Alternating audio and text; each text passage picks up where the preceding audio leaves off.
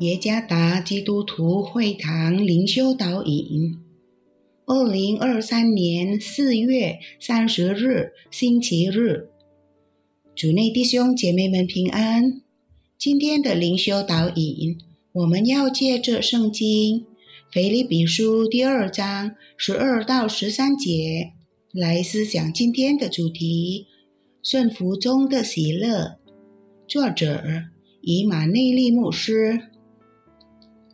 腓立比书第二章十二到十三节，这样看来，我亲爱的弟兄，你们既是常顺服的，不但我在你们那里，就是我如今不在你们那里，更是顺服的，就当恐惧战惊，做成你们得救的功夫，因为你们立志行事。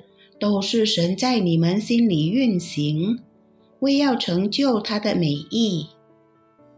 我们的上帝是蛮有慈爱的神，他差派他的独生子为人类赎罪，来彰显他的爱。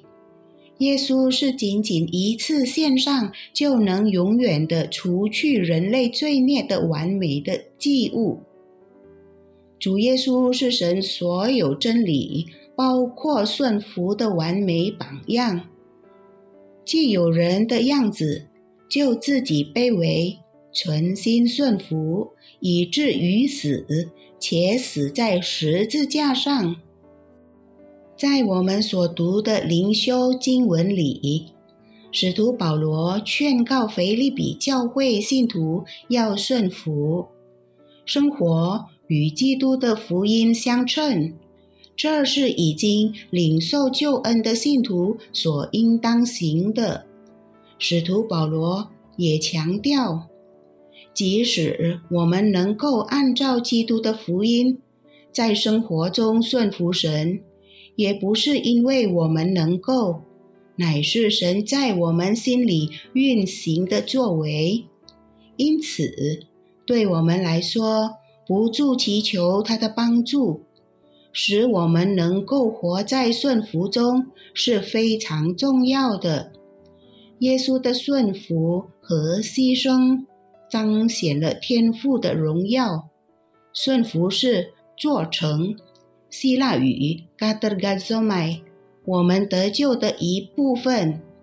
我们的顺服不是称义或得救的条件。而是我们对所领受的救恩的回应，救恩的真理和得救的确据是：当我们心里承认、相信并接受耶稣基督为主和救主时，上帝就已经赐给我们了。基督完美的救赎大功和他的牺牲，是我们得救的主要根基。然而，这并不意味着作为信徒的我们完全不用做任何事。上帝要我们顺服他，生活与所信的基督的福音相称。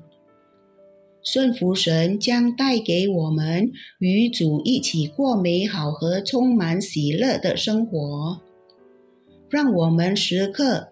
都能过一个顺服主的生活，遵守神真理的话语，存恐惧战惊的心来做成我们得救的功夫。顺服的生活不是基于人的监督，而是基于我们对上帝那颗敬畏和尊重的心。顺服上帝。经常带给我们美好和充满喜乐的生活。主耶稣赐福。